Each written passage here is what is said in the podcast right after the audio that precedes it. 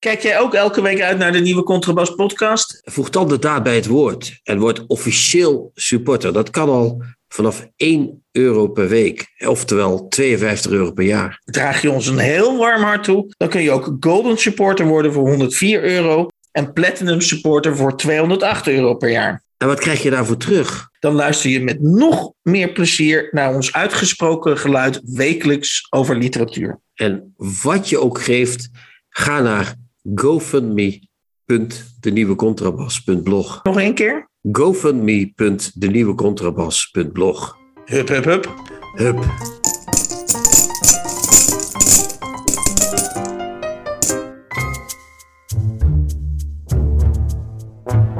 De nieuwe Contrabas. Podcast. Over hedendaagse literatuur en de wereld daaromheen. Met Chrétien Breukers, een elitaire Limburger. En Hans van Willigenburg, zomaar een Zuid-Hollander. Kreetje. Hans, zeg het eens. Je klinkt als een dweilman. Jezus. Ja, ik heb corona. Weet ik, daarom zitten we ook met een glazen plaat ertussen. Dus, eh, ja. Ja, ja. Eh, ik heb vandaag is gewoon puur uit nieuwsgierigheid een eh, klein rondje nostalgie. En dan gaan we daarna weer direct verder. Ik, ik vroeg me echt oprecht af bij aflevering, nu we met 54 zijn begonnen. Hoe lang zijn we nou bezig? Dat vroeg me echt af. Ja, en, En heel ik- lang en al, ben- hè? meer dan een jaar. En ik ben teruggescrolld naar eh, de pilot-aflevering van de nieuwe Contrabas. En die was op 21 januari 2021. Dus we zijn, Ja. al, we zijn ongemerkt zijn we het tweede jaar ingegleden. En we, Ja, hebben, er niet ja. eens, hebben niet eens een glaasje wijn erop gedronken of wat dan ook. Nee, maar dat lijkt me nu ook niet verstandig op dit moment, als ik het zo hoor. laten we het maar... Maar ik, ik, heb, ik weet wel nog dat het toen, toen woonde ik nog eh, niet in mijn huis waar ik nu woon, mijn eigen huis, had ik, dus, ja. had ik een tijdelijke flat eh, in Nijmegen achter het station. En het was heel koud en het sneeuwde, dat weet ik ook nog. Volgens mij had het net gesneeuwd, of zou het nog gaan sneeuwen. Het was echt winter toen we begonnen, dat weet ik wel nog. Dus ten opzichte, ten opzichte van die eerste aflevering is er echt in, jou, in jouw leefsituatie een absolute progressie geboekt. Alleen maar, ja, ja ik, ben echt, ik ben door de podcast er helemaal op vooruit gegaan, denk ik. Ik wou net zeggen, dat is Ja. eigenlijk helemaal op het konto te schrijven van de podcast. Hè, Ja, eigenlijk. ja, ja, dat en mijn eh, katholieke levenswandel. Dat begrijp je ook, eh, Hans. Die, die twee hebben ervoor gezorgd dat Ja. ik nu ben waar ik ben. eh, ja. Ik geef met jouw permissie ook gelijk even een waarschuwing af. Niet vanwege corona, maar ik, eh, ik ben vandaag was ik, eh, ben ik diep onder de indruk geraakt. Eh, misschien had ik dat beter wel of niet kunnen doen, maar het is nu helemaal zo. Het is gebeurd. Ik, ik heb de laatste toespraak van Vladimir Poetin. Jezus, ik, van, ik denk dat die 2 minuten en 43 seconden duurt. En ja, dat is even dus. sorry, neus. dat was de corona-snurk. de Ja, corona. Ja. Ehm, en ik dacht bij mezelf, toen ik Vladimir Poetin zo hoorde, ik dacht, ja, als je zijn toespraak nou vertaalt in voetbaltermen, eh, dan je, kun je zeggen, nou, dat is echt een splijtende paas die hij daar gegeven heeft in die 2 minuten en 43 seconden. Ik dacht wel daarna van, ja, misschien moet je moet je, je hele leven lang eh, die rollertjes die onze, onze westerse eh, leiders geven, hè, dus eh, die, die zachte rollertjes, die, misschien moet je die toch meer leren gaan waarderen. En, en misschien moet je wel, er zijn 24 interviews Philip Huff, en we gaan het er zo eventjes over hebben. Oh, misschien ja. is dat zelfs met een wolkje melk en een bejaard publiek wel te prefereren. Boven die daadkrachtige speeches van Vladimir Poetin. Ja, dat krachtige leiders, Hans, daar kunnen we wel bewondering voor hebben, stiekem, op afstand. Maar voordat je het weet, zit je in een nucleaire wolk. Daar heb ik ook niet zo zin in, eerlijk gezegd. eh Precies. Ja. Dus ik, ik wil op ik ben, voorhand. eh, ik wil dus op voor- ik wil op voorhand dus al gezegd hebben dat ik dus in een. eh, door Vladimir Poetin ben ik dus in een hele milde stemming jegens onze eigen cultuur en politici. Ja, onze cultuur is toch het fijnst, wou je zeggen, of niet? onze, god, onze god is toch de beste. Net zoals eh, bij Cote vroeger. eh. Maar, ga, maar ja, ja oké. ja, nostalgisch. eh, ja, Met gezwinde pas naar, de, naar de echte zaken. Om te beginnen wil ik. dat, dat, hoeven we onszelf niet kwalijk te nemen. Maar we zitten er constant. Zijn we in gevecht met schrijversnamen. Ja, En, en, enorm. en, ja. En dan, ja, als je dan ook nog, nou ja, een, een, een, wat moeilijk, een, een gemiddeld genomen wat moeilijkere eh, naam hebt, zoals de schrijver die, ik, die ik ooit uitsprak in navolging van jou als Jamal Ouariaki. ja, Eh, maar die blijkt dus, en dat wil ik dus hierbij, omdat ik ja, hecht aan, aan, aan het goed uitspreken, al was het maar uit respect naar de schrijver eh, ehm, of in kwestie. hij heeft het zelf ook nog even uit de doeken gedaan. Hij heet officieel, als ik het nu goed zeg, en ik denk het wel, Jamel Ouariashi. Ja, maar het blijft een slecht boek, Hans. Of het nou ja, goed uitspreken of slecht. dat, maar het is fijn dat we het hebben gerectificeerd. Daar ben ik ook heel blij ja. Dan wil ik dan een, een, even naar de. Uh, uh, wanneer komt jouw boek nou uit? Uh... Nou, het komt volgende week. Ben ik in de Bourgogne met een vriend van mij. Die wilde daar graag dat ik met hem meeging. Ja. We, zijn, we zijn naar Les Grands Jours de Bourgogne. Dat is een hele grote manifestatie waar alle producenten van Bourgogne wijnen komen. En dan mag je proeven. Dat is heerlijk. Okay. Uh, wel uitspugen, niet vergeten. Want ik heb ze ooit één dag niet uitgespuugd. Nou, dat was uh, niet de leukste dag die ik had. Achteraf. Maar um, dan uh, ben ik dus weg. Maar dan komt het boek van de drukker. En dan wordt het ook al uitgeleverd, zoals dat heet. Dus dan kan okay. het al. en dan hebben we op 10 april, Hans. Is er een feestje over het boek? Dan wordt het boek boven ja, maar mijn vraag was dus: hoe, hoe, nee, je gaat dus naar de Bourgogne, dat, dat is al of en dan, dan komt het eigenlijk uit. Al of niet toevallig samen met, met het uitleveren van het boek. Ja. Dus begrijp ik nou dat jij veel Bourgogne nodig hebt om überhaupt het feit dat het boek er is of er komt, uh, uh, zeg maar, om daarmee om te gaan? Nee, dat is echt puur toeval. Het, het, zou mooi zijn om nu te zeggen dat ik dat nodig heb, maar ik was liever thuis geweest als het komt. Maar ja, okay. ik had het al heel lang geleden beloofd. Maar het is, okay. het is er bijna, dus we zijn, uh, we zijn bijna zover. ja. Uh, dan heb jij je vastgebeten uh, namens de nieuwe contrabas in, uh, en dat hebben we al kort eerder laten passeren, de Hans Vervoortprijs.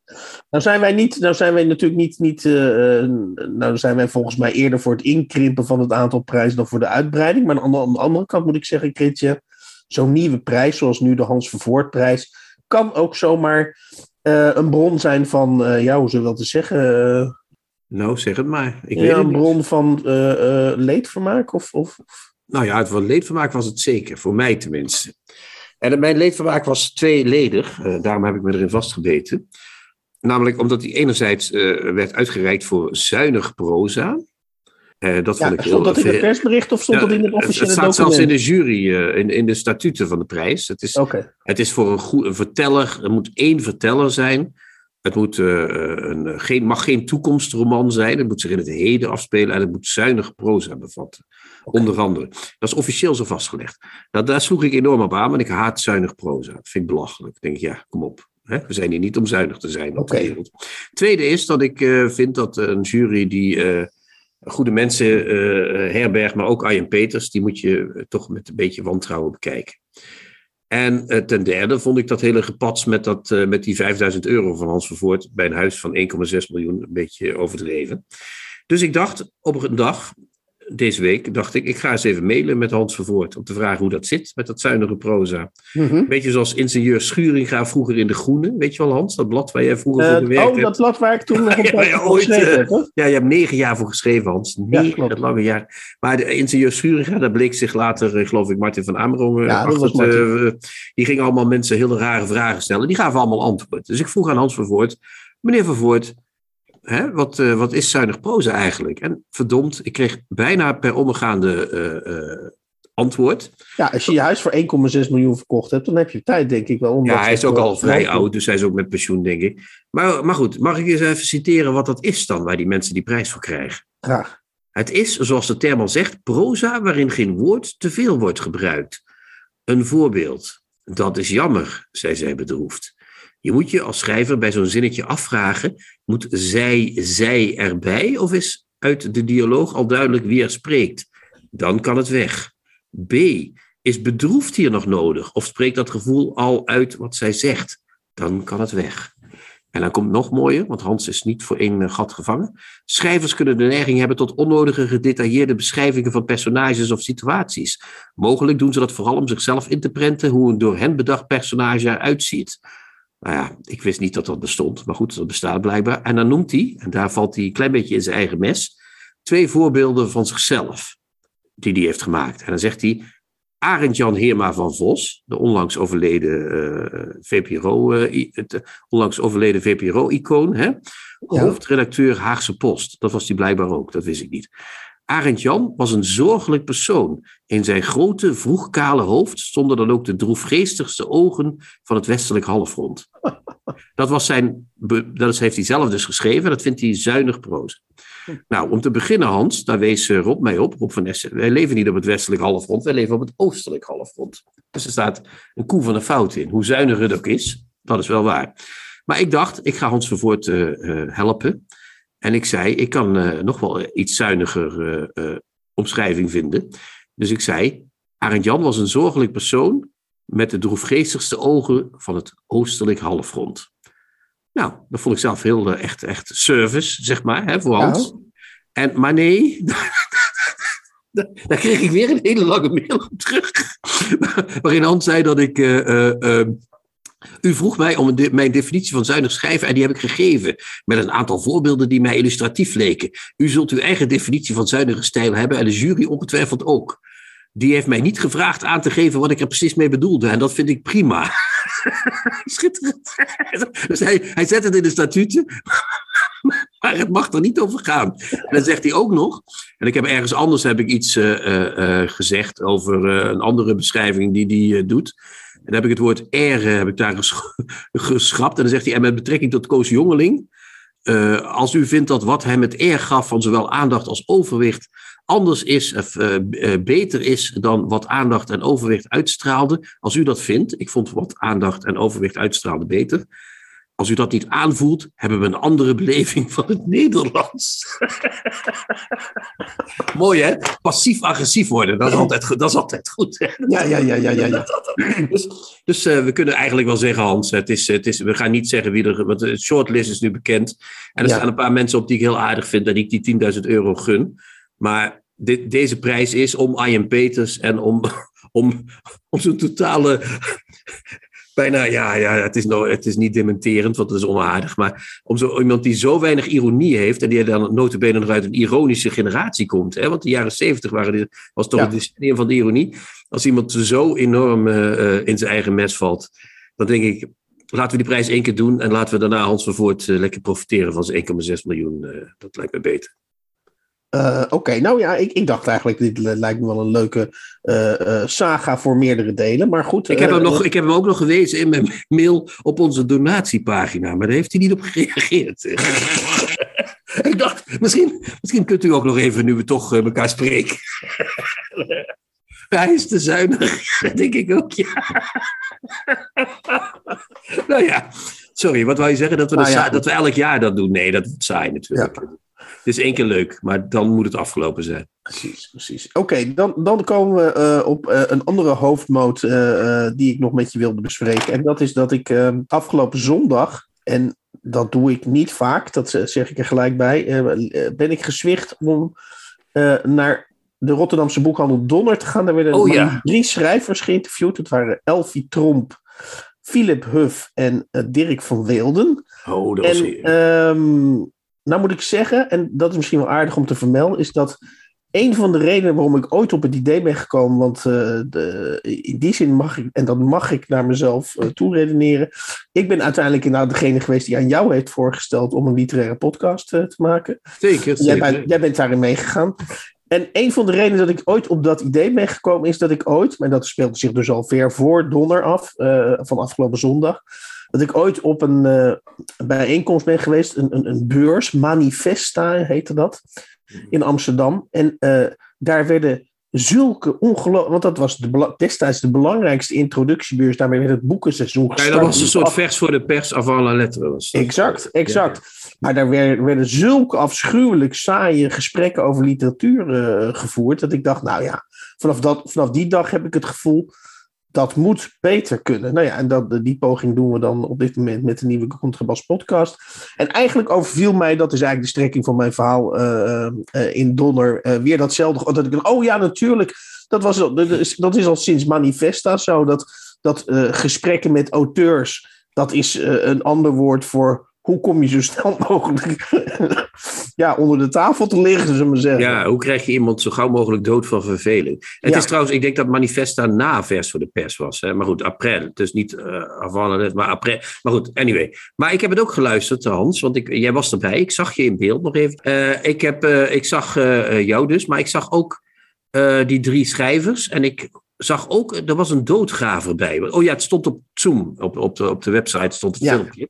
En dat was blijkbaar een donor opgenomen. En ik zag een doodgraver in beeld, eh, Hans. Ik zag een doodgraver van de literatuur in beeld. En eh, die had als naam Marcel Meuring, eh, heel mooi, Meuring Begrafenissen. Je ziet het zo voor je, vind je niet? Ja. En eh, die, die begon eh, met de prachtige vraag aan Philip Huff. Waar gaat je boek over? Vond je dat niet fantastisch als begin? Vond je dat niet mooi? Van ik heb je uitgenodigd, maar vertel even zelf eh, wat, waar het over gaat. En, eh, dan zijn we daar ook vanaf van dat geheel. Daar begon het dan mee. Maar dat was natuurlijk dat was mooi. En Elfie Tromp was ook fantastisch. Die was te laat. Die woont in Rotterdam, notabene, maar die was te laat. Wat, zijn dat toch voor, over, wat is dat toch voor... Ja, ze weten dat aan het openbaar vervoer. Maar goed, ga door. Ja. Ja. dat openbaar vervoer heeft het altijd gedaan. Het is net zoals als je mail niet beantwoordt, dan is je mail ineens geformateerd, wat ook niet bestaat. Dus nou ja, goed. Eh, maar het allermooiste van dit filmpje, ik weet niet hoe jij dat ervaren hebt, want je was in de zaal. Ja, ik was half, eh, ik lag half bewusteloos. Na, na 20 minuten lag ik half bewusteloos in mijn stoel. Nou oké, dan heb je het einde gemist. En het einde, dat was echt fantastisch. Dat was namelijk, eh, toen was Marcel Meuring, was met generatiegenoot Dirk van Wilde in gesprek. We kennen Dirk van Wilde allemaal nog als compaan van, eh, vroeger Martin compaan Bril. van Martin Bril, hè, uit de ABC van Bril en van Wilde, best een leuk boek. Maar Dirk is later eh, op eigen kracht schrijver geworden en dat is niet helemaal goed gegaan. Althans, daar is iets, daar is iets gebeurd met Dirk wat het eh, allemaal een beetje heeft eh, doen schuiven, schuiven. En nu heeft hij na jaren stilte, hè, zijn la- laatste boek was een jaar of zes, zeven geleden, was dat boek over Van Wilde, of eh, sorry, over Bril, wat hij geschreven had, na de Mhm. dood van Bril. En nu heeft hij boek, een boek geschreven en hij praat ook heel gek, Hans. Is je dat ook opgevallen? Je kan hem heel goed imiteren. Ik weet het. Ja, ik kan hem heel eh, goed imiteren. Het is, eh, ja, ik heb een boek geschreven over mijn ouders, zei hij. Tegen, eh, ik kan hem bijna niet verstaan. Die zou mij moeten ondertitelen. Maar hij, hij zei dus dat hij een boek had geschreven over zijn ouders. Nou, dat vond ik al fantastisch. Want wie heeft er nou ooit in de literatuur, Hans, een boek over zijn ouders geschreven? Zeg nou zelf. Is dat, heb jij ooit een boek gelezen waar ouders in voorkomen? Zeg eens eerlijk, of niet? Maar, nog mooier, die ouders, die hadden elkaar, die hadden elkaar, toen ze elkaar niet kenden en verloofd waren, hadden die elkaar brieven geschreven. En die waren bewaard gebleven, Hans. Ja, ja, ja, ja. Nou, dat heb je ook nog nooit gelezen in een boek, toch? Ja, dat er, iets- dat er oude dat- documenten... Ik kan hem dus niet nadoen, sorry Kretje, maar hij Nee, zei dat dus is, dat, dat was een schat die hij zomaar in zijn schoot geworpen En zijn schoongeloof, brieven. ja. En toen voelde hij zich wel heel erg verplicht om daar iets mee te doen. Ja, en dat had ook jaren geduurd voordat hij daar wat mee ging doen. Hij heeft die brieven had hij in huis en hij was, hij was, lees hier, hij was gewoon te lui om er wat mee te doen. Hij zat lekker in zijn huisje in Amsterdam. Hij dacht, nou, die brieven van mijn ouders, fuck it. Maar op een gegeven moment heeft iemand natuurlijk, wel- heeft de vrouw tegen hem gezegd, Dirk, je moet weer eens een boek schrijven. En hup, daar kwamen die brieven tevoorschijn. Allemaal op luchtpostpapier, want die vader zat in Indië en overal op de wereld. dat- dat- Dat was ook mooi, want het briefpapier, voel dat briefpapier is. Zo begint dat boek ook. Hè? Van, voel dat eens, wat is dat mooi. Ja. En, dat, en ook maar de hele tijd, hij, hij, hij, hij bracht het de hele tijd alsof hij de eerste was die een boek over zijn... En dat hij ook zei dat zijn ouders toch heel anders waren dan je dacht. Nou, dat vind ik ook altijd zo'n mooi argument.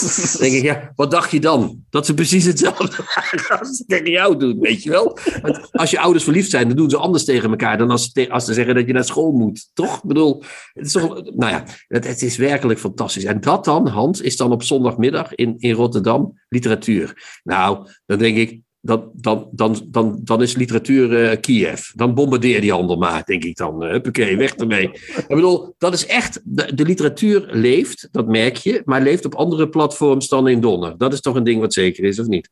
Ja, absoluut. En verder had je toch nog ook een, een, een- een, interessante observatie bij Philip Huff. Die vond dat hij een code had doorbroken, toch? Ja, die zei ook, ik heb een boek geschreven. Maar dat is trouwens ook wel echt... Hij zat er een beetje bij alsof hij zijn communie ging doen. Hè? Heel netjes, een nette sweater had hij aan en een nette broek. En hij had zich, het was heerlijk. Hij had zich ook een beetje gefeund van tevoren. Prachtig was het echt. Hij zat er heel plechtig bij. En hij zei, ik heb een boek geschreven over huiselijk geweld. En daarmee heb ik een code doorbroken. Dat mag niet. Ik denk, nee, er is echt nog nooit geweld voorgekomen in een boek. Echt, is echt nog nooit, nog nooit, ook in de Russen, 19e eeuw, geen geweld, nooit gebeurd. Dostoevsky in het strafkamp was ook een soort picknick in vergelijking met de jeugd van Philip was dat. Ja. Nee, het is echt, hij heeft geen code doorbroken. Hij, die mensen hebben het historisch besef van een pindahans. Dat is echt verschrikkelijk. Wat is dat, wat is dat, voor, eh, wat is dat voor, wat zijn dat voor figuren? Ja, Ja. Ik, ik, heb, ik, zeg, ik zeg dit allemaal, want vorige week zei iemand tegen mij dat ik te mild was geworden. Dus ik dacht, nou, we gaan er vandaag eens even lekker, eh, we streamen er vandaag eens even lekker overheen. Ja. Maar, ik, maar ik heb wel gelijk, het was echt een, het was een heel komisch filmpje, omdat het zo ontluisterend was. Ik denk, als dit dus de literatuur is, Kijk, van Elfie Tromp herinner ik me niet eens één opmerking nog die ze gemaakt heeft. Jij wel? En van Marcel Meuring trouwens gek genoeg ook niet. Het was de interviewer. Maar je zag de hele tijd de vent in een zwart pak zitten. die een beetje bezorgd voor zich uitkeek. eh. Nou ja, maar Philip Huff had een code, een, code, een code doorbroken, Hans. Ja, Alsof je in literatuur een code kunt doorbreken. Wat is dat voor flauwekul? ja, toch? Afrondend eh, eh, had ik nog, en dat is dus niet op Zoom te zien, maar dat speelde zich dus buiten beeld en na, na, de, na de opname af. Had ik nog een kort gesprekje met de bedrijfsleider van Donner. Die, En eh, die- hoe heet die ook alweer? Die, de- Ja, de- Leo van der Wetering. Leo, ja, ja, ja. ja. Ja, Leo-. Goeie vent, ja. Ja. En toen, eh, ja, toen hintte ik erop, heel voorzichtig. Zo, ik, ik ben heel diplomatiek, dat weet je van mij. Toch? Ja, jij bent, nou ja, glad. Ik, ik, Gladjes, ik, hintte ik er, ik hintte erop dat dit niet, eh, zeg maar, ja, een, eh, de meest eh, bezochte en, en, en drukke en enerverende festiviteit was die Donner ooit georganiseerd heeft. Hij voelde dit aan, dat ik, dat ik hem dit wilde duidelijk maken. Hij En greep je hand. En toen zei maar. zijn verkopersinstinct, zei in één keer, ja Hans, maar de beweging in de literatuur, de kansen, die liggen nu opeens heel ergens anders. En waar liggen die, volgens Leo van der Wetering? Bij de young adult literatuur. Ja. eh, eh, voor de leeftijdscategorie 14 tot en met 24, zei hij. En eh, dat is een booming markt. Is ook zo, is ook zo, en, ja. en met andere woorden, en hij had het, hij had het vol overgave over TikTok-filmpjes. Nee, Boektok, Boektok, hè, op TikTok. Maar ja, zijn BookTok op ja. TikTok, klopt. Ja. En hij zei toen, en dat vond ik ook opmerkelijk, die doelgroep eh, moet je bedienen met boeken tot 15 euro. Wordt het duurder, dan wordt het lastig. Met andere woorden, die hele Nederlandse literatuur, dus de hufjes en de brilletjes en de Van Weeldentjes en de Trompjes, die zitten met hun 22,50. Ja, dat gaat gewoon niemand, eh, zeker in die doelgroep, niet meer betalen. Gewoon. Nee, dat wordt alleen maar gekocht nog door mensen zoals jij en ik, die daar nog een soort eh weemoed Nou, zelfs over wij hebben. kopen het niet, wij bespreken het in de podcast. Hè? Ja, dan krijgen we het, dat is waar. Want ik zou inderdaad van wilde niet kopen zo gauw, dat is waar. Maar wat ik bedoel te zeggen, wat, wat is er nou tegen een, een, een levendige handel in boeken tot 15 euro? 15 euro is ook een mooi prijsje, weet je wel. Dan, dan kom je binnen en je legt even 15 euro neer. Ik vind, ik vind nog steeds, en ik ben eh, in staat om het af en toe te kunnen kopen, maar 22,50 of 24 euro voor een boek vind ik, dat, dat, ik reken dat nog om in guldens, Hans. Dan denk ik, nou, daar kon je vroeger een hele week van eten in de Mensa, denk ik dan. dat is dan voor een boek, weet je wel. Tips van de week. Boeken, artikelen of pamfletten die boven het maaiveld uitsteken. Hans, Hans, we gaan ruzie maken. Begin maar. Ja, we gaan We gaan het hebben, lekker- al voor, ja, maar dan moeten we wel, ik, vind, ik wil best ruzie met je maken. eh, Ja, we al- gaan al, het klinkt, doen. al, klinkt het wel, al klinkt het wel dreigend, maar Leid, leid jij de ruzie maar in. Daar gaan we dan. we gaan, we gaan ruzie maken, althans volgens Sketje, die voorspelt dat. eh, we gaan ruzie maken over eh, De Kapperszoon, de nieuwe roman van Gerbrand Bakker. Juist. En eh, eh, waarom denk jij, eh, of denk jij al te weten dat, dat we daar ruzie over gaan maken? Nou, nou Hans, dat is flauw om dat te vragen. We hebben vanmiddag gemaild over dat boek. En, en je was ronduit kwetsend en ongefundeerd. om, dat vind jij, dat vind jij. Ja, ja, ja. Dus, dus we gaan beginnen met de, de, de, we moeten beginnen met vertellen wat het is. Hè? Dat is zoals altijd. Ja, doe, doe jij dat maar. Dan, dan, De, de is na lange tijd. Bakker leek geen romans meer te schrijven. Heeft twee privédomeinen geschreven. Onder andere Jasper en zijn knecht. Dat ging over zijn hond. En eh, dat tweede boek, eh, ik ben slecht in titels, zoals je weet. Maar goed, was ook een privédomeindeel. Mhm. Het leek dat hij zich had eh, bekeerd tot het autobiografische proza. Maar na een jaar of, nou lang hè, tien of zo, heeft hij weer met een roman aangekomen. En dat heet De Kapperszoon. Ja. En dat boek gaat, nou ja, de titel zegt het al een beetje, over een kapperszoon. Eh, en het Ja, is bij, een- bij, Gerbrand Bakker, bij Gerbrand Bakker moet je het, en dat geldt eigenlijk ook voor het hele boek en voor zijn hele stijl, je moet het nooit te ver zoeken. Het is gewoon... eh, hij is een Noord-Hollander, het laten we is dat niet what- het vergeten. Het is what it is, what it is, what it is. Yes, maar het zingt ook, eh, net zoals zijn debuut Boven is Oh, het stil. dat, dat heb ik dan gemist, inderdaad. Ja. Ja, daar begint het al, het gesodemieter, zie Het zingt. Wat, zing, wat zingt er? Nou ja, kijk, ik vind zijn stijl op een of andere manier. Boven is het stil is een van mijn favoriete boeken uit deze eeuw. Misschien wel mijn favoriete Nederlandse boek uit deze eeuw.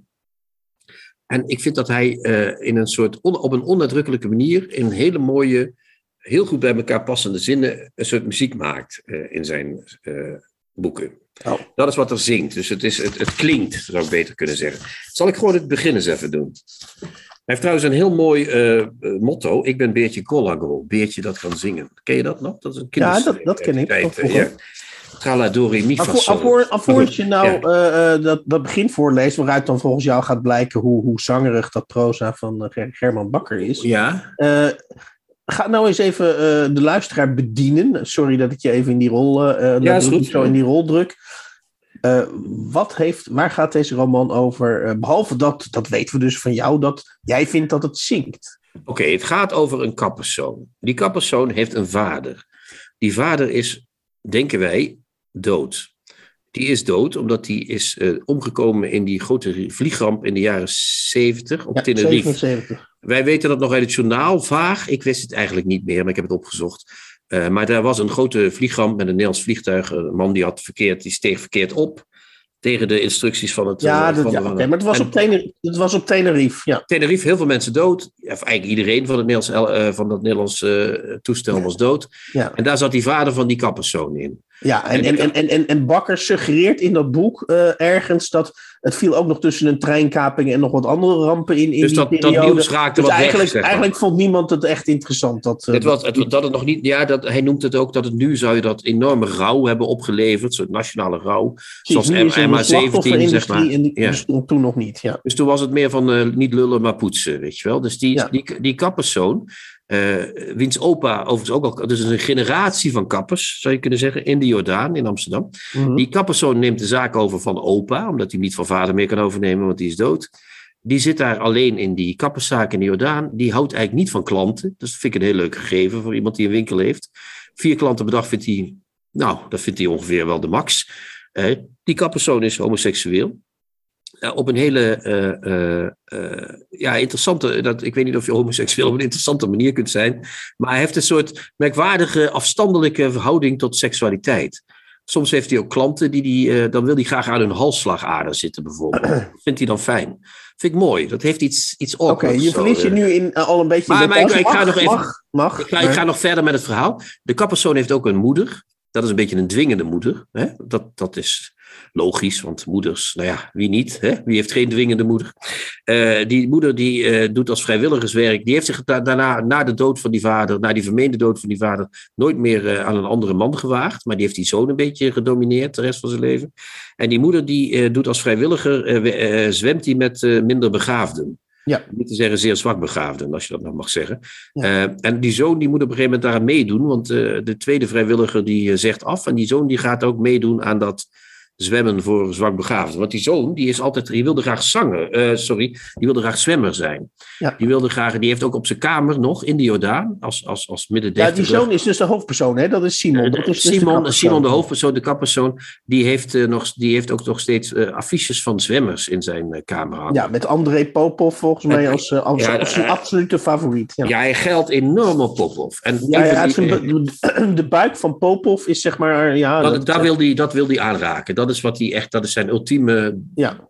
ja, dat is zijn fetish, zeg, als je het zo zou kunnen ja, zeggen. dat, ja, En een, wel. en een van die zwakzinnigen, die heet Igor. En die lijkt, en die is, daar komt helemaal niks uit uit Igor. Die is volledig blanco, daar, daar, daar, daar weet je niet. En die, dat is alleen maar een lichaam, maar die lijkt helaas, die buik van hem, lijkt op die van Popov. Dus die Simon, die raakt daar helemaal van in een soort... Ja. Ja, ja die raakt er een beetje van, van, de, van de leg. eh, Ik die zie aan. Erik dat het boek inderdaad eh, door jou al een beetje zinkt, eh Kreetje. Dus ja, Ja, nou, en daarom, dat is nu het begin wat ik voorlees. Want het Ja, begint ga met de eerste sessie dat er wordt, eh, wordt gezwommen. Igor, dat is dus die eh Popov lookalike waar niks uitkomt. Igor zwemt. Of nee, zwemmen is niet het goede woord. Hij heeft geen idee van schoolslag of borstcrawl. Niemand heeft hem zo te zien het zwemmen ooit kunnen bijbrengen. Hij beweegt in het lauwwarme, ondiepe water. Hij loopt en hij lijkt steeds maar weer te merken dat lopen zonder water veel makkelijker gaat. Hij gaat door de knieën, slikt het chloorwater door omdat hij vergeet zijn mond dicht te doen. Hij proest en boert, schreeuwt ze nu en dan. De vrouw in het felrode, feloranje badpak schreeuwt dan terug: Igor, niet schreeuwen. De andere vrouw, die in het badpak met bloemetjes, sust en zegt: Mondje dicht, Igor. Als je onder water gaat, moet je je mond dicht doen. De twee vrouwen letten erop dat niemand verdrinkt. Dat is dus die moeder met die vrouw die eerst ook vrijwilliger is. Ja, ja. En die later door Simon wordt opgevoed. Nou, Nou, dat dat ja, is het begin van. Maar je kunt veel zeggen, Hans. Maar dat dit mooi proza is, dat kun je toch niet ontkennen? Nou ja, kijk, dat, dat is natuurlijk het aardige eh, van, van, van een, een boek behandelen. Eh, als je enthousiast bent, zoek je een, zoek je een passage dat jouw enthousiasme natuurlijk... is de eh, eerste, Hans. Ik doe, doe niks. Ik, ik, ik heb het willekeur, ik kan ook willekeurige passages. Nou ja, ik, heb, ik, ik, ik, ga, ik ga dus zeg maar. eh, eh, ik kom met, met tegenpassages, zou ik bij mijn. Nou, laat maar eens komen, Hans. nee, het, het, ik, laat ik het zo zeggen. Maar heb ik het eh, verhaal trouwens goed verteld zo? Want ik heb. Ja, zit nee, ook je hebt nog- goed. Je hebt, je het, gaat, blijkt in dat verhaal vrij vroeg al dat die vader nog leeft, overigens ook. Maar hè, Ja, daar, ja, ja, vertel. Ik geen, daar vertel ik niks, eh, Nee. daar verraad ik niks mee. Maar die, dus dat speelt ook nog een rol. Ja. En het- uiteindelijk komt het erop neer in het verhaal, en dat is nog mooier, vind ik. Dat die man heeft dus moeite, die Simon heeft moeite met leven, die vader die leeft nog. Eh, maar aan het eind krijg je geen verlossing, zoals je in veel boeken zou krijgen. Je krijgt een Nee, soort, dat is allemaal. een Nee, natuurlijk niet, joh. Daar doet Gerbrand Bakker niet aan. Nee, nee, nee, nou terecht niet, Nee, dat, maar goed, eh, jij- Gerbrand Bakker, de kunst van Gerbrand Bakker is dat hij je gevangen houdt in een soort, ja, in een soort, soort ja, eh, jij, jij noemt geloof ik de hoofdpersoon, wat noem je hem, een onmachtig jegens het leven of zo? Ja, Eh, hij, kan niet zo goed leven. Daar heeft hij niet Nou zoveel ja, goed, weet je, van. Maar ga jij maar eens lekker zeiken, Hans. Ja, ik ga even. Ja, ja, ja, ja. Kijk, om te beginnen, eh, misschien eh, eh, als opening zou ik willen zeggen, ook ik, en welke lezer niet, is wel eens onredelijk. En het zou best wel eens kunnen zijn dat ik onredelijk ben tegenover Gerbrand Bakker. Geef ik gewoon toe. Maar bij mij komt het gewoon niet aan. Kijk, eh, eh, eh, ehm, ehm, eh, hoe moet ik het zeggen? Hij probeert, wat hij heel goed doet, is een soort bodem opzoeken van eh, hoe leeg kan ik een pagina maken? Hoe onaanzienlijk, eh, hoeveel onaanzienlijke details die misschien toch nog net door mijn stijl gered worden van het absoluut echt onaanzienlijke of overbodige. Die, die grond, die schraapt die steeds eh, af, dat zie ik. Maar ik, ja, ik, ik denk dan op een gegeven moment, eh, schiet eens op, of, of, of is dit absoluut nodig? Maar wat bedoel je met onaanzienlijk, Hans? Het gaat over een jongen die zijn vader verliest in Ik het ik, zal het, vliegtuigongeluk. ik zal het Een jongen die fantaseert over geweld met zijn klanten. Die min of meer fantaseert dat hij de halsslagader van iemand... Ja, ja, maar, is ja, daar maar onaanzienlijk aan? Jij Dat doet net of dat, is, eh, of dat eh, een hele spannende leesbelevingen zijn. Dat zijn het voor Ik- mij ik, ook. ja. ik confronteer je even met de manier waarop je in eerdere afleveringen eh, eh, mensen als Dave Eggers belachelijk hebt gemaakt. Ja, maar die kan ze- niet in de schaduw staan van ze, Bakker. omdat, ja. ze, omdat ze allerlei details benoemen die volgens jouw kinderboekenstijl zijn. Nou, wat dacht je hiervan? Komt-ie. Oscar komt aanlopen met een dienblad. Ja, ja, ja. Ja, daarop, nou. staan, daarop staan drie glazen bier en een bak met gemengde noten. Punt. Hij zet de bak en twee glazen voor Simon en de schrijver neer.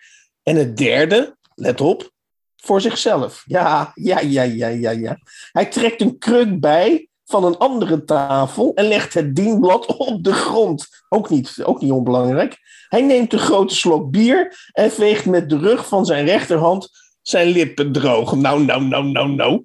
Ja, nee, ik begrijp je. je- Ik moet zeggen, eh, ik, normaal gesproken, ik zou in de, in de film eh, Frankenstein zou ik zeggen, I created a monster. Dus ik heb jou nu laten lezen met mijn ogen. Dat is eh, wel heel erg natuurlijk. Maar je hebt gelijk, ik zou als redacteur hier ook wel eventjes...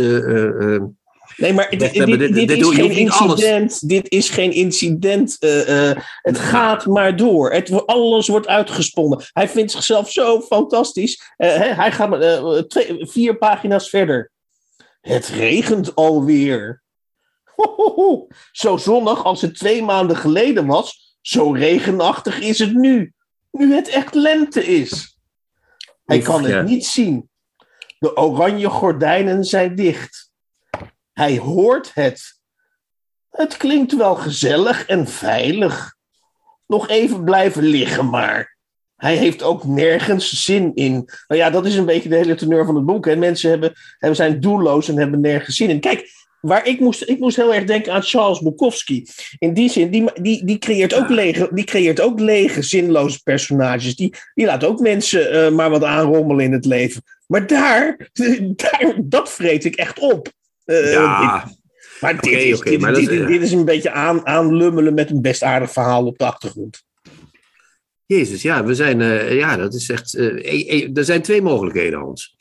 Ik heb het verkeerd gezien, lijkt me sterk, maar goed, dat, dat kan. En, eh, maar ik moet eerlijk zeggen dat de voorbeelden die je noemde niet heel sterk waren qua stijl. Dat geef ik toe.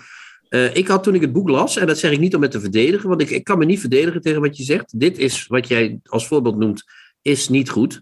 Eh, ik had toen ik het las, ik werd er meteen doorheen getrokken, zeg maar. Dus ik, Ja. ik, wat jij zei, ik kan me voorstellen dat ik, eh, dat ik het verkeerd gelezen heb. Of hoe noemde je dat in het begin? Nou ja, hij, de- hij op een of andere manier lukt het Gerbrand Bakker, en dat is misschien ook een kwaliteit, om mij hem onredelijk te laten worden, om hem Ja, onredelijk nou. te beoordelen. Precies, en, dat heb, dat, en ik heb het andersom dus, blijkbaar. Ik heb het gelezen en ik was meteen, eh, eh, dat ik, ik werd er doorheen getrokken, echt. Heel gek. Ja. Dus er zat iets in dat boek wat mij, eh, wat mij triggerde. Wat, wat, wat, wat mij, eh, eh, en, en, en ik blijf dat vinden. Ik ik, ik geef toe dat de voorbeelden die je noemde slecht waren. Maar ik, ik denk dat ik in- nog eerder naar Kiev verhuis dan jou gelijk geef. Al heb je wel een punt hier en daar misschien. Maar ik ben bang dat ik hier vier sterren ga geven en jij twee of zo. Dat- ja, je hebt, woorden, je hebt net zoveel woorden nodig voor je eindoordeel als Gerbrand Bakker voor dat boek. Ja. Auw, maar je hebt wel gelijk. Hans, ik heb nog een boek. Ik heb nog een boek, Hans, voor de simpele lezer. Dus voor jou. Oh jee, oh jee, oh jee. Ja, ik moest het even zeggen na deze fitty die we net hadden. Ehm, nee, het is niet voor de simpele lezer. Ik heb, ik, ik heb eh, kijk, ik vind Bakker literaire schrijver. Jij misschien ook, ondanks je oordeel. Mhm. Ik, heb, ik lees niet alleen literatuur. Het zal je verbazen, maar ik lees ook wel eens andere boeken. Nee, dat vind ik juist hartstikke leuk dat we in deze podcast ook, ook aandacht een keer besteden aan, aan, aan, aan niet- niet-literaire boeken. Nou, eh, een paar jaar geleden, Hans, en het is al veel langer aan de gang, maar ik, eh, ik kende het niet. eh, wees een vriendin mij op het bestaan van de reeks rond de, detect- de- rond de, de eenzame held Jack Reacher. Die wordt geschreven door Lee Child, dat is een Amerikaanse schrijver. En die, of is het een, dat weet ik nog niet eens zeker, is het een, een Engelse schrijver, neem me niet kwalijk. Maar dat is een Amerikaanse held, Jack Reacher. Die heeft bij de militaire politie gediend en heeft allerlei hele zware inzetten gedaan. En nadat hij dat heeft eh, gedaan, eh, zwerft hij door Amerika. Oké, dus, die- dus, het idee, dat ik het ook begrijp, het idee is, die man heeft een, een, een, een onderscheidende eh, Spartaanse carrière in, in, in, Ja. in de military achter de rug. En dat maakt hem geschikt om vervolgens in, in oneindige reeks boeken eh, diep menselijke problemen en misdaden op te lossen. Nou, zo zou je het kunnen zeggen. Dat is waar. Nou, oneindig is het niet. Er zijn er 26 of zo. Dus, ja. Maar het zijn wel flinke jongens. Dus je hebt wat te doen als je ze allemaal leest. Ehm, hij heeft eh, eh, die reeks, heb ik twee jaar geleden leren kennen. Zo'n beetje in de eerste lockdown. Dus dat, is, dat leest lekker door dan, hè, als je dan eh, zo zit. Ja? Ehm, die boeken zijn allemaal hetzelfde. Van, eh, van Lee Child. Gaan allemaal even hetzelfde. het korte stramien van een Jack Reacher uit dan, voor Ja, mij. Jack, Jack Reacher is een man van bijna twee meter. Weegt meer dan 100 kilo, dus is echt een enorme kolos. En die is heel goed in vechtsport. En die zwerft door Amerika. Nou zou je zeggen, je zwerft door een land en er gebeurt niet zoveel. Nee, nee, nee. Jack Reacher, waar die ook komt, en hij verplaatst zich meestal liftend door Amerika, door echt door wat ze flyover country noemen, hè, dus, door de kleine begint met- plaatsen. Het begint met een liftduimpje. Ja, ja, ja. Hij begint met een liftduimpje. Je ziet de film al voor je. Hè? Hij wordt gek genoeg in de film. Er zijn een paar films gemaakt naar die boeken van hem. Die wordt hij door Tom Cruise eh, vertolkt. Wat toch geen man van twee meter is. Dus dat ziet er altijd heel gek uit. Maar goed, oké. Dat eh, is druk, druk werk voor de sinaasappelkistjesindustrie. Ja. Ja, daar moet een krukje bij, inderdaad. Ja, ja, ja. Maar goed, eh, Jack Reacher komt in een dorp of in een stadje. En vindt daar iets of ziet daar iets wat niet goed zit. En dan is hij natuurlijk, hij is van de militaire politie. Ja, ja, ja. Hij is zo gek niet of hij gaat daar zijn duim achter proberen te krijgen. En dan beginnen de problemen, Hans. Dat begrijp je. Altijd gedoe en eh, toestanden en in elkaar En geslagen in worden. 26, in 26 fouten. Ja, en er is altijd een vrouw ook met wie die contact krijgt tijdens dat boek, waar die natuurlijk niet bij kan blijven, want Jack is een, eh, is een eh, net als Kung Fu, hij zwerft maar door dat het zijn land. dus hè. 26, ook 26 verschillende vrouwen. Dus ja. Ja, ja, nou, hij heeft ook wel één vrouw die hij vaker ziet, maar die kan hij ook niet bij blijven, want dan moet hij weer weg en zo. Dus het, is, het, is, het wisselt een beetje. En Soms is het zus, soms is het zo. Maar Jack Reacher is altijd onderweg, komt altijd problemen tegen, lost die ook altijd op. Hoe erg het ook is, zelfs tot op Een soort Amerikaanse Dirk. Zeg maar. Ja. Ja, maar Dirk is toch wel een stuk honkvaster dan Jack Reacher. Dat, Ja, ja, oké. dat- Dirk eh, woont gewoon in een huis, zeg maar. Dat heeft hij al niet. Hij heeft alleen maar altijd bij zich. Hij heeft kleren, eh, die, die, hij, zijn kleren wisselt hij om de twee, drie dagen. Koopt hij bij de Walmart eh, nieuwe kleren. En hij heeft een opvouwbare tandenborstel bij zich. Dat is de enige bagage die hij bij zich heeft. Dat zie ik Dirk nog niet doen, Hans. Hè? In zijn keurige Burberry jassen waar hij in rondloopt. dus, dus Jack is toch wel een ander type. Maar het gekke is dus, je zou zeggen, nou, dat zijn altijd dezelfde boeken. En waarom moet ik dat lezen? Weet je wel? Dat is, ja, dat, ik heb één zo'n boek gelezen en het is klaar. Ja. En ik had laatst, toen moest ik eh, naar, naar mijn werk, eh, naar Arnhem. En ik, ik zag zo'n Rainbow Pocket liggen, weer van Reacher. Ik begon erin. En ik vergat bijna in Arnhem uit te stappen. Ik was bijna naar Zwolle doorgereden. Het is heel gek. Je bent in het boek begonnen. En onmiddellijk is het... Je zit erin en het gaat door. Snap je dat ongeveer? Kun je je daar iets bij voorstellen? Ja, ik, ik vind het hartstikke. eh, ik- ik- je bent hier in staat om mij zo'n Jack Reacher te laten pakken. Ja, ja, Nou, dat zou ik zeker eens doen. En dan heb je echt eh, het, eh, wat hij heeft. En dat, ik denk dat je dat zal bekoren in plaats van dat, dat meer dan Bakker. Eh eh, Lee Child eh, die, maakt, die, die schrijft heel erg effectief proza, als je dat zou kunnen zeggen. Dus alles in dat verhaal staat in dienst van dat merkwaardige, steeds maar weer hetzelfde verhaal van die eenzame held. Want dat is natuurlijk wel de vraag die ik heel graag aan je wil stellen. En daar heb je ook, ook, ook een uh, kloek antwoord op.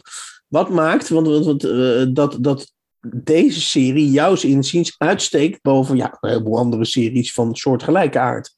Nou, dat is omdat die man dus uh, een, de, in staat is om in dat effectieve proza iedere keer dat verhaal opnieuw te vertellen. Weliswaar met kleine variaties, het is iedere keer een ander verhaal. Maar hij, hij, hij, dat, het gaat hem om de stijl. Ik zal het begin van dit, dit boek uh, doen. Hè? Ja. Dat is net, net, als bij Gerbrand, dus dan kunnen we even kijken. Jack Reacher en Mich Michelle Chang, dat is een van zijn uh, vriendinnen die hij vaker ziet, brachten samen drie dagen door in Milwaukee. Op de ochtend van de vierde dag was ze vertrokken. Reacher kwam met koffie terug naar hun kamer en vond een briefje op zijn kussen. Hij had dergelijke briefjes eerder gezien. Er stond altijd hetzelfde in. In directe dan wel indirecte bewoordingen. Het briefje van Chang was opgesteld in indirecte bewoordingen. Het briefje was daarnaast eleganter dan de meeste andere briefjes. Niet zozeer qua uiterlijk, want dat was met een balpen neergekrabbeld op een door vocht gerimpeld velletje van een notitieblok van het motel. Het was elegant qua stijl. Om iets uit te leggen had ze een vergelijking gemaakt die zowel vleiend als verontschuldigend was. Ze had geschreven: Je bent net als New York. Ik kom er graag op bezoek, maar ik zou er nooit kunnen wonen. Nou, ja. ik weet niet hoe het met jou zit, maar als ik die alinea lees, denk ik meteen: dit verhaal, daar wil ik, ik wel even dit, verder. Ik denk dat als, dit, als je dit in de arm spuit van Gerbrand Bakker, dat hij dat die in, één, in, één, in één keer wakker wordt, gewoon uit een, in een soort heel nieuw universum. Nee, ja. maar even serieus. Vind je niet dat dit. Dit is een mooi begin, toch? Ja, nee, niet? top, uh, ja. top. En dat is dan gewoon een, een, een, een zogenaamd pulboek. Maar dit is, ik vind dit echt uh, goed gedaan, vind ik dit. Meest, meesterpulp is dit. Meesterpulp. En ook wat jij net zei, wat je, wat jij had bezwaren over Bakker, dat hij te veel beschrijft. Maar hij zegt hier precies wat hij moet zeggen. Ik had Ja, eerder ja, van die briefjes gezien. Absoluut. Er staat meestal dat in, soms dat. Hier was het zus en zo. Weet je wel, dat is echt.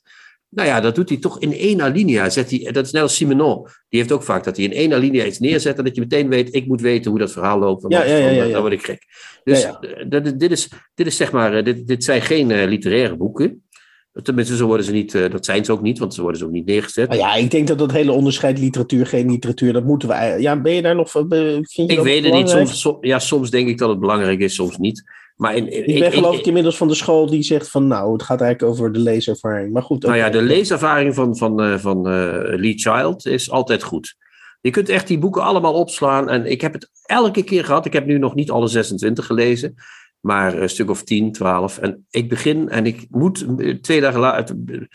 Soms in één dag, soms Ja, in twee dagen. Het, het gaat uit, weet je wel. Ja, je zou het eh, kunnen omdraaien. Je zou kunnen zeggen, misschien is het heel nuttig om een aantal literaire auteurs, die misschien al wat boeken eh, hebben gepubliceerd, om die eens een, nou ja, gewoon eens een, een Spartaans weekendje Lee Childs eh, te laten eh, eh, eh, Ja, doormaken. Dat is zeker En een goed en eens idee. kijken, eens kijken wat dat voor effect op hun eigen werk dat zou hebben. Ja. Nou, ik heb gemerkt van mezelf. Ik heb eh, zelf ooit geprobeerd om ook een, eh, een eh, detective te schrijven, samen met een collega van mij. Eh, ik zal zijn naam niet noemen, want ik weet niet of hij dat eh, leuk vindt. Maar eh, we hadden toen het pseudoniem Sanne de Vecht gekozen. Wij, wij woonden in Utrecht allebei toen. De Vecht, hè. Nou, het heette Afspraak met het Noodlot, Hans. Dat, ja, ja, nou jij weer. Maar wij, pro- wij probeerden toen dus met z'n tweeën... kan niks meer fout gaan met zo'n titel. Maar ga door, ja. Dat het geen bestseller is geworden, Hans. Het is onbegrijpelijk. Nou ja, het is niet onbegrijpelijk, want het is nooit verschenen. Eh, we hebben het boek gemaakt, maar we merkten toen echt allebei dat het heel moeilijk is om dat soort proza te schrijven. Dat is echt heel gek. Dus ik denk als je die mensen een dosis eh, Lee Child geeft, dat die, het is heel moeilijk om dat je kunt dat niet nadoen. Net zo, ik heb ook wel eens geprobeerd om een soort Simenon te schrijven, weet je wel. Maar dat is, dat is ook niet. Uh, dat, dat is er en dat lijkt heel makkelijk. En als je het doet, dan denk je: fuck, ik kan het niet, weet je wel. Dat is echt maar waarom zou je het willen doen? Maar dat is weer een andere vraag. Omdat, omdat, omdat, je van de, omdat, je, omdat je natuurlijk begeerig naar de kassa kijkt, Hans. Daarom, daarom is dat. Maar ik zou tegen iedereen willen zeggen die onze podcast luistert. Um, lees mooie boeken, maar lees ook Lee Child. Dat is echt dat is heel fijn.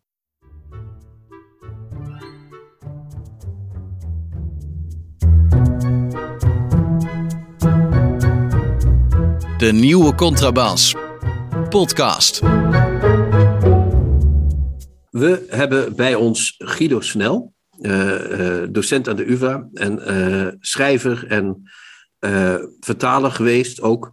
Hij gaat ons iets vertellen over Danilo Kies. Zeg ik dat zo goed overigens, Danilo Kies, of niet? Uitstekend, ja. Dankjewel. Um, een toen nog Joegoslavische schrijver, die heeft geleefd tussen... Nu moet ik mijn bril opzetten, maar dat weet je uit je hoofd niet. Oh ja, tussen 35 en 89, 54 geworden.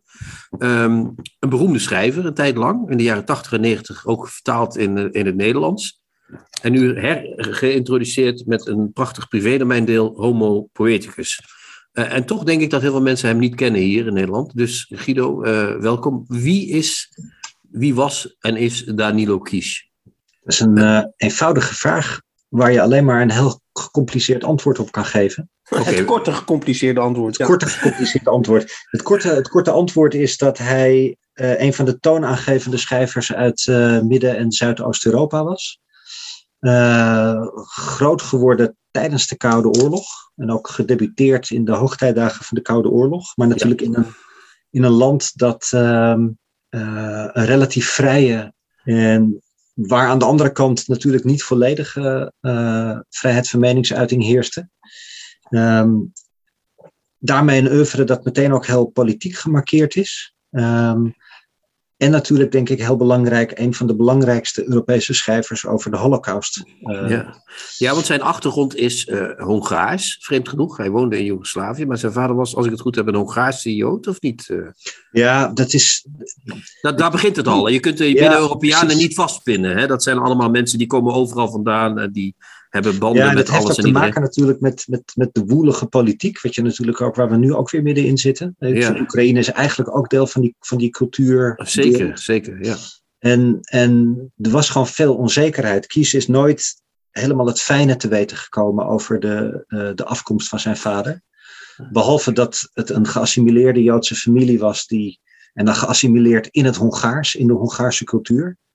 Uh, en dus ook Hongaars als eerste taal had. Uh, maar een familie die waarschijnlijk uh, de generatie voor zijn vader nog uit uh, de Elzas gekomen is, uit, uit het Frans-Duitse grensgebied. Ja, eigenlijk in de Europese kan het niet, dus. Nee. dat waren echt Europeanen. Maar goed, ja. daar kwam hij vandaan. Uh, hij woonde dus uiteindelijk na de oorlog. Zijn vader is vermoord in de oorlog. Hè? Zij, ja, de, de rest 44, van, ja, in ja, zijn, zijn moeder had het overleefd, want die was ook uh, Joods, als ik het goed heb. Uh, nee, de moeder die was, en, en, en dat is echt heel opmerkelijk, de moeder die was een orthodox-christelijke uit Montenegro. Kijk, we hebben nu en, al zoveel landen gehad dat het... We, ja, de, lezer, de luisteraar die alle landen die wij gaan noemen in dit item kan opnoemen, die krijgt een mooie prijs van ons. dat gaan we nog doen. Maar die kwam uit Montenegro dus. En die ja. kwamen dus na de oorlog in Joegoslavië terecht, want Montenegro werd natuurlijk. Toch? Uh, Montenegro was voor de oorlog ook al onderdeel van, van het eerste Joegoslavië. Ja. En uh, het, het, het zogeheten Koninkrijk Joegoslavië, monarchie.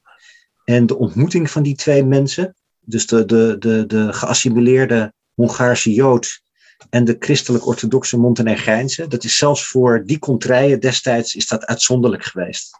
Dus het begon, het begon al met een uitzonderlijke uh, ja. conceptie, zou je kunnen zeggen. Ja. Toen kwam Danilo Kies daaruit voort. Na deze etnische puzzel wil ik, zou ik heel graag uh, willen, willen weten, uh, Guido, wat hem volgens jou, omdat jij hem nog heel goed kent, wat maakt hem volgens jou interessant om nu in 2022 weer mee kennis te maken met, met iemand als Kies? Nou, de eerste reden die was, die is heel persoonlijk. Dat was een, het was een directe vraag van de mensen die het privédomein fonds beheren. Uh, die vonden dat er te weinig uh, Midden- en Oost-Europa in zit.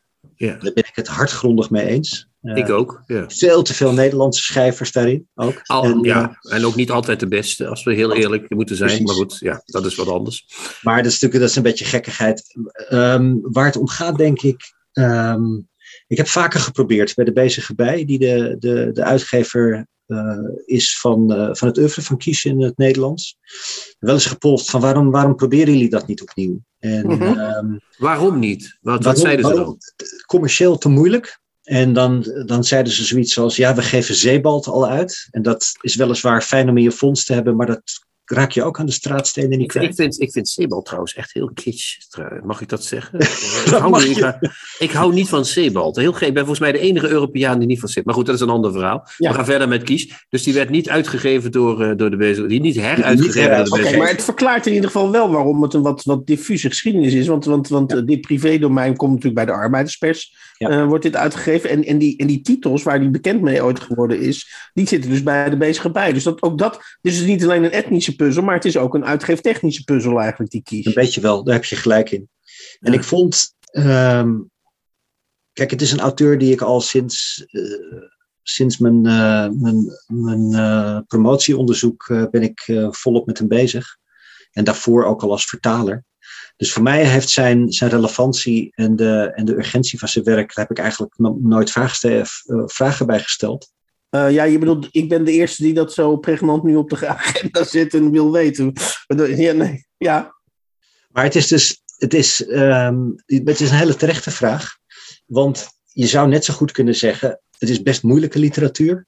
Het Mhm. is van best al een tijd geleden, uit de Koude Oorlog. En Ja. daarom zou je dat opnieuw moeten lezen. Kijk, ik vind als je, die, eh, als je zijn fictie leest, eh, de, eh, de verhalen over de, de, de, de Gulag, over de Stalinkampen, of zijn autobiografische fictie over zijn familie. Ik vind dat echt, het is verpletterende literatuur. Omdat Nou, het, en, het, en het is heel ontroerend ook altijd. Het is ontroerend. Heel is- vreemd, maar dat werkt wel zo. Het is Ja. echt literatuur, hele hoge literatuur, maar heel ontroerend. Ja. Maar het is ook literatuur die heel goed zelf heel goed nadenkt. En jou als lezer ook, ook scherp laat nadenken. Onder andere bijvoorbeeld over politiek. En over de rol van kunstenaars in politiek. Ja. Die zich laten misbruiken. En, en daar, Dus- daar dus zit in heel deze, veel in deze, ja, in deze tijd dus ook heel relevant, zou je zeggen. Want ja, we zitten in dezelfde. We zitten weer in, nou ja, weliswaar in Oost-Europa, maar we zitten weer in, in een soort eh, verschuiving. Zitten we nu weer. eh, ja. dit gesprek lijkt dus om, om te smeken om verzin, om, om verzin een list. eh, om, om dit oeuvre open te breken, dus in Nederland weer. Nou ja, ik, ik, heb, ik heb best goede hoop dat, dat, dat er toch iets heruitgegeven gaat worden. naar aanleiding van dit eh privédomeindeel. Want Ja. het is heel goed ontvangen. Ja. Het is ook heel breed besproken. En eh, dat is ook niet vanzelfsprekend voor een auteur die al zo lang weg was. Nee, nee dat klopt. Het, werd een beetje in de, in de pers eh, als een soort verloren zoon werd hij omhelst. Hè? Dat was het. Ja, eh, dat komt denk ik, dat was ook een beetje bij een wat oudere generatie critici. Eh, Ja.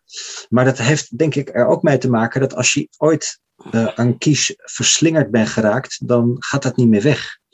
En dat heeft te maken met een hele eigen specifieke stijl, die zowel verleidt als, eh, eh, als en jou als lezer ook het gevoel geeft dat je echt iets heel wezenlijks aan het lezen bent. ja, ja, ja. En ehm, je kunt bijna een soort heimwee hebben naar zijn teksten.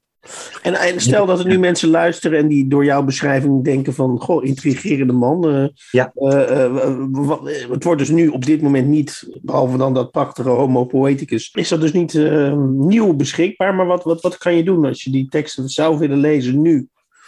Ja, ik ga zelf altijd naar, eh, tweede, ja, precies, naar de tweedehands eh, boekensite. Ja. Ja, En daar kun je nog wel het een en ander vinden hoor. Dat, eh, oké. Ik zou mensen aanraden om te beginnen met, eh, met de twee verhalenbundels. De, de, de Encyclopedie van de Doden. Uit, ik denk uit 1983 is dat boek. En Ja. ehm, een grafmonument voor Boris Davidovich. De Mhm, verhalen mhm. over de, de Stalinzuiveringen. ja, dat is ook mooi. Ja, en, dan, 75. en dan tuinas, of niet? Dan, eh, ja, dan eh, ja, de, Ja. de, de Proestiaanse jeugdevocatie. ja, ja, ja, dat Ja. is ook heel goed. Ik, ik wil nog iets over dat Midden-Europese van hem vragen, als het mag. Eh, dat, hij is echt een Midden-Europeër, hè? dat is echt eh, wat je kunt zeggen. Dat was natuurlijk, heel lang bestond dat niet. En je had vroeger, in onze jeugd had je Oost- en West-Europa, wat natuurlijk een volledig idiote omschrijving is geweest. Maar die hele Midden-Europese cultuur, waar hij echt iemand van was, to- to- toen ook al. ehm, die, je hebt al net al gezegd, het is actueel nu. maar dat is nu inderdaad echt actueel. Want Midden-Europa speelt een hele belangrijke rol nu in, in, in dit, in, wat er in, in, in, in, in Oekraïne natuurlijk gebeurt. Uh, kan die cultuur, is, is, bestaat, ik heb twee vragen eigenlijk. Bestaat die cultuur nog? En kan die ons nog iets uh, bieden in dat uh, opzicht? Of die nog bestaat, ja en nee. Of eigenlijk ja. moet ik zeggen nee en ja. ja. die is, meerdere keren is die nagenoeg vernietigd geweest. Ja. En de eerste keer was misschien wel met het eind van het Habsburgse Rijk. Ja. maar ik denk veel belangrijker de, de, de dubbele verdrijving in eerste instantie van de Joden. Ja. Want het is natuurlijk ook de regio van Europa die. Uh, door Joden bepaald is. Ja, door Joden bepaald is, maar ook waar de, waar de kampen waren. Ja. Grotendeels.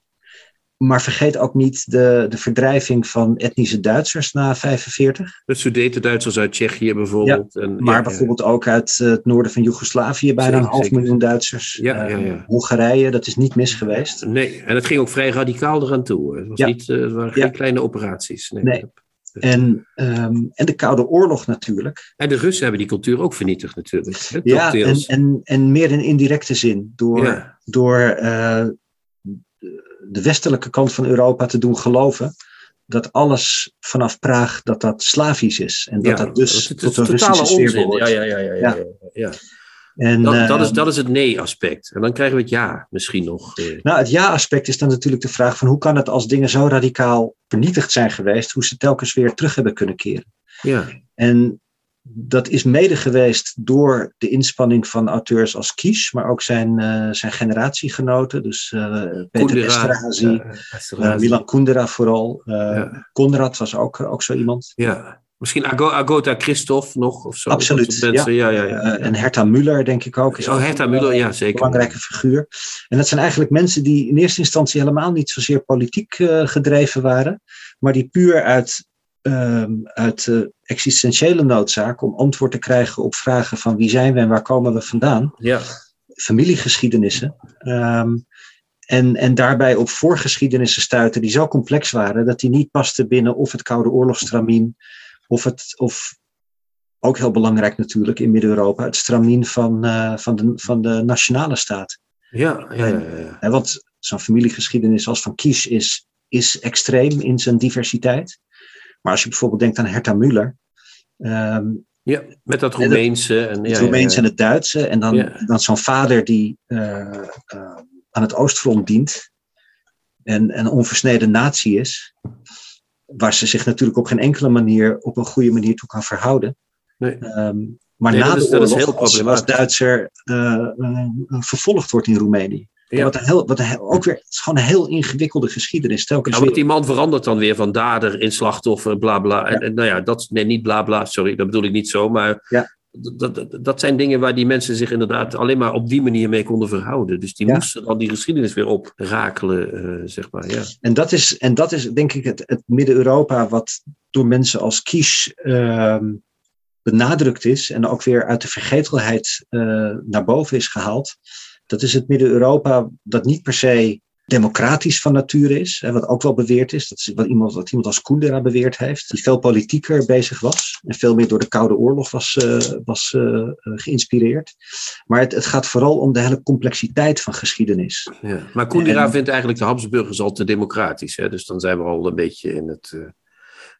dan zitten we al in een soort ander eh, discours. Maar is- misschien zit ik op het verkeerde spoor nu, ik weet het niet. Nee, helemaal niet. Nee, maar dat, het, is, het is een beetje een andere discussie, omdat ehm, eh, wat je tegen. En dat is echt heel interessant. Koendera heeft natuurlijk in 1984 zijn grote Midden-Europa-essay geschreven, wat destijds door heel Europa en ook in de Verenigde Staten vertaald werd. Ehm, en sindsdien stond Midden-Europa ook echt op de kaart. Ja, Eh, maar als je dat nu leest, dan, tenzij je Russofoob bent, dan denk je, ja, hij, hij zag het allemaal al gebeuren. ja, ja, ja zeker. ja, Ehm, ik zag het, ja. Maar dat, dat is toch wel echt wel van, van dik hout zaag mijn planken, eh, cultuurhistorisch gezien. Ja, ja En, eh, is altijd een beetje van de korte bocht. Dat is Ja. wel waar. Ja, ja, Een hartstikke goede en interessante schrijver hoor. Maar, maar ik denk wat belangrijk is bij een auteur als Kies, is dat veel genuanceerder. En het is eigenlijk bij hem ook, en dat, dat kun je ook gewoon zien, het is ook een, een strategie geweest om. Jullie vroegen me aan het begin wie is Kies? Nou, dat is een, het is een makkelijke vraag met een complex antwoord. Ja, Ook een beetje om dat complexe antwoord telkens te kunnen vermijden op de terugkerende vraag: wie bent u eigenlijk en waar komt u vandaan? En hoe zit het nou met dat Joegoslavië of Hongarije? Dan is Midden-Europa is een heel dankbaar etiket. Ehm, want je roept iets op, denk van mensen, ah ja, dat is, dat is ook ingewikkeld, maar het is groter dan die hele kleine ingewikkelde gebiedjes waar al die mensen vandaan komen. Ja, we zouden eigenlijk kunnen zeggen dat de, dat de huidige tijd, eh, wat fout gaat nu, dat, dat, dat heeft zijn wortels in eigenlijk nog allemaal in 1918. Daar komt het op neer natuurlijk, toch? Ja, of misschien in 1945 of 1948. Ja, ja, maar in ieder geval in die hele geschiedenis daarvan. Ja. Uh, dus dat Maar is, laten we de complexiteit, eh, even de complexiteit laten, denk ik. Ik denk dat we allemaal puzzelstukjes rond kies hebben proberen in elkaar te zetten. En Ja, en kies laten, we niet, laten we niet proberen alles eh, aan elkaar te lijmen. Dat gaat toch niet lukken. Wat mij betreft een opmaat naar misschien nog een keer een gesprek. Ik vind er wel heel interessante dingen in zitten. Maar ik denk van, Ja. Ja, want je gaat een boek maken, eh, of er komt een boek uit in april, heb ik begrepen, over, Ja. over steden, ook in Midden-Europa dus allemaal. En dan moeten we misschien nog even terugkomen. Want dan, als ik het goed begrijp, is Kies eigenlijk een soort Kundera voor echte lezers. Daar komt het op neer. Hè? We, maken de tagline, we maken een soort eh, reclame dingetje. Eh, Doe een beetje leuk mee, Guido. Hè? We maken dit, Ja, ik ben niet zo van de slogans. eh. maar die, die hebben we bij deze gemunt dan, zeg maar. ja. Maar hoe gaat je boek heten? Dan weten we dat alvast. Het boek gaat heten Negen Steden. En de ondertitel is Europa van Wenen naar Istanbul. Nou ja, als er iets Midden-Europa is, dan is het dat toch wel. Dus dan, Ja. eh, Maar ja, met Istanbul ben je natuurlijk eigenlijk al ver buiten Midden-Europa. Maar ik vind, ik vind die, dat, dat voortdurende schuiven van die grenzen, dat is iets wat mij fascineert. Eh, en iets wat ik ook mede heb leren begrijpen door het werk van Kies. En eh, vandaar dat hij ook een, eh, een, een belangrijke rol speelt in dat boek. We kijken er naar uit. Negen steden. We gaan het, we gaan het aanvragen tegen die tijd, denk ik. ja, we gaan samen op reis, Hans. Naar negen steden. Ja, wie weet. Naar Istanbul. Lijkt me leuk. Dankjewel, Guido. Graag gedaan.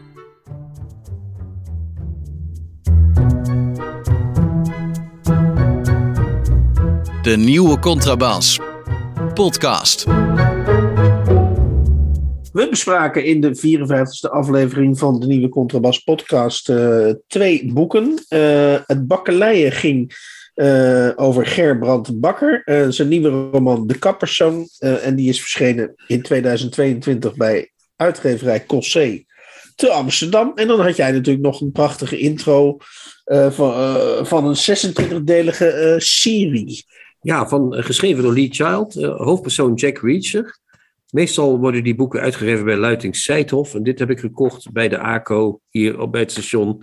Dat is een Rainbow Pocket van Nachthandel. Een Jack Reacher thriller. En we hadden nog een ander boek, Hans. We hadden ook nog Danilo Kish natuurlijk. Wat een mooi gesprek met Guido Snel. Ja, en dat Eh, is eh, uitgegeven bij eh, de Arbeiderspers, ook in 2022, dacht ik. Of in Ja, 2000. zeker, zeker. Met een nawoord van Guido dus. Die ons, Ja, na, nawoord van Guido Snel. En vertaald door uh, Reina Dokter. Reina Dokter en Pavle Trukulja. Als Ja, die naam die sprak hij wel goed uit en dat kunnen wij niet. Dat, is, dat zijn te veel Dat laten we daar, ja, ja, ja, ja. Dan hebben we nog twee berichtjes, Hans. We hebben twee eh, briefjes. We hebben af en toe mensen die eh, ons vinden, waarvoor dank nog steeds. En ga zo door vooral. Ehm, we hadden een briefje van Suzanne. Die had 26 euro gegeven. En die schreef dat ze ze spijt heeft dat ze geen 52 kon geven, maar dat ze ook aan de Oekraïne wilde geven.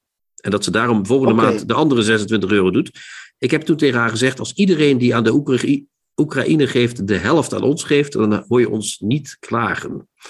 Dan zouden we nu miljonair zijn namelijk. Wat op zich natuurlijk een fijn hallucinant idee is.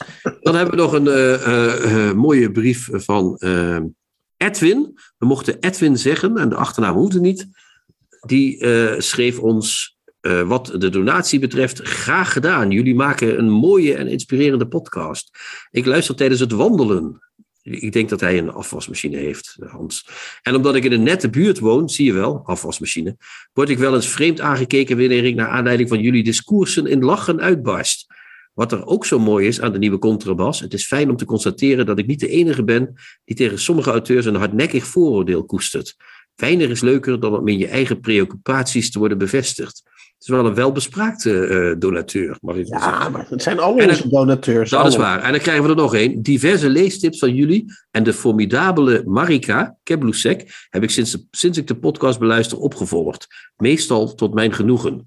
Dus Hans, het is niet alleen een eh, pluim bij ons, maar ook een pluim voor Marika. Dus dat is toch Hup, mooi. hup, hup, Marika. Hup, hup, Ja. hup. En eh, ja, dus eh, luisteraars, lieve, lieve, lieve luisteraars. Als ik even helemaal eh, Mies Bouwman mag gaan. Bedankt voor het luisteren alweer natuurlijk. En bedankt ook voor het funden. En ga daar ook mee door. En zoals altijd, Hans, zeggen we aan het einde... Chin chin, ciao ciao. Of niet? Tjoe, tjoe. Tja, tja. Tja tja tja. Bye. Kijk jij ook elke week uit naar de nieuwe Contrabas podcast? Voeg dan de daad bij het woord en word officieel supporter. Dat kan al vanaf 1 euro per week, oftewel 52 euro per jaar. Draag je ons een heel warm hart toe, dan kun je ook Golden Supporter worden voor 104 euro en Platinum Supporter voor 208 euro per jaar. En wat krijg je daarvoor terug? Dan luister je met nog meer plezier naar ons uitgesproken geluid wekelijks over literatuur. En wat je ook geeft, ga naar gofundme.denieuwecontrabas.blog. Nog één keer? gofundme.denieuwecontrabas.blog. Hup, hup, hup. Hup.